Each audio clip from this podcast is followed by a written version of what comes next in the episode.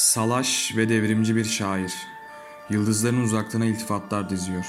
Ve bugün şiir benim için 76 yaşındadır. Seni bilmeden geçmiş bir ömür elbet nasipsiz kalmıştır sevgili şair. Seninle tanışmamız epey evvel olmakla birlikte bunun çok subjektif olan bir zaman betimlemesi olduğunu fark ettim. Öyleyse senin şiirin amentüsünü çoktan yazmış olduğum bir çağına denk geldiğimi de belirtmek isterim. Ben ki kulakları paslı ve daha hiç şiire denk gelmemiş gibi yekten sesini duymuştum. O gün şiir bende yeniden tanımlanmıştı. Sevgili şair, sesinizde isyankar fakat bir o kadar küfre yaklaşmaktan korkak bir tını vardı.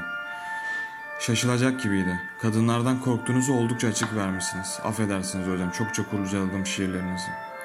Bakın unutmuyorum, çok da net hatırlarım. Düştüğümde bir dizeniz kulağıma çalındı. Düşerken tutunduğum taşı Rab bellemeyeceğim. Altına imzamı atmak isterim. Yanlış anlamayın sahiplenmiyorum dizeyi. Amacım ben de düştüm demek içindir. Nasıl anlatsam bilemedim size. Bir dizeniz özellikle çekinmeme yol açıyor. Hangisi? Güzel olan hiçbir şey hülasa edilemez demiş Valeri.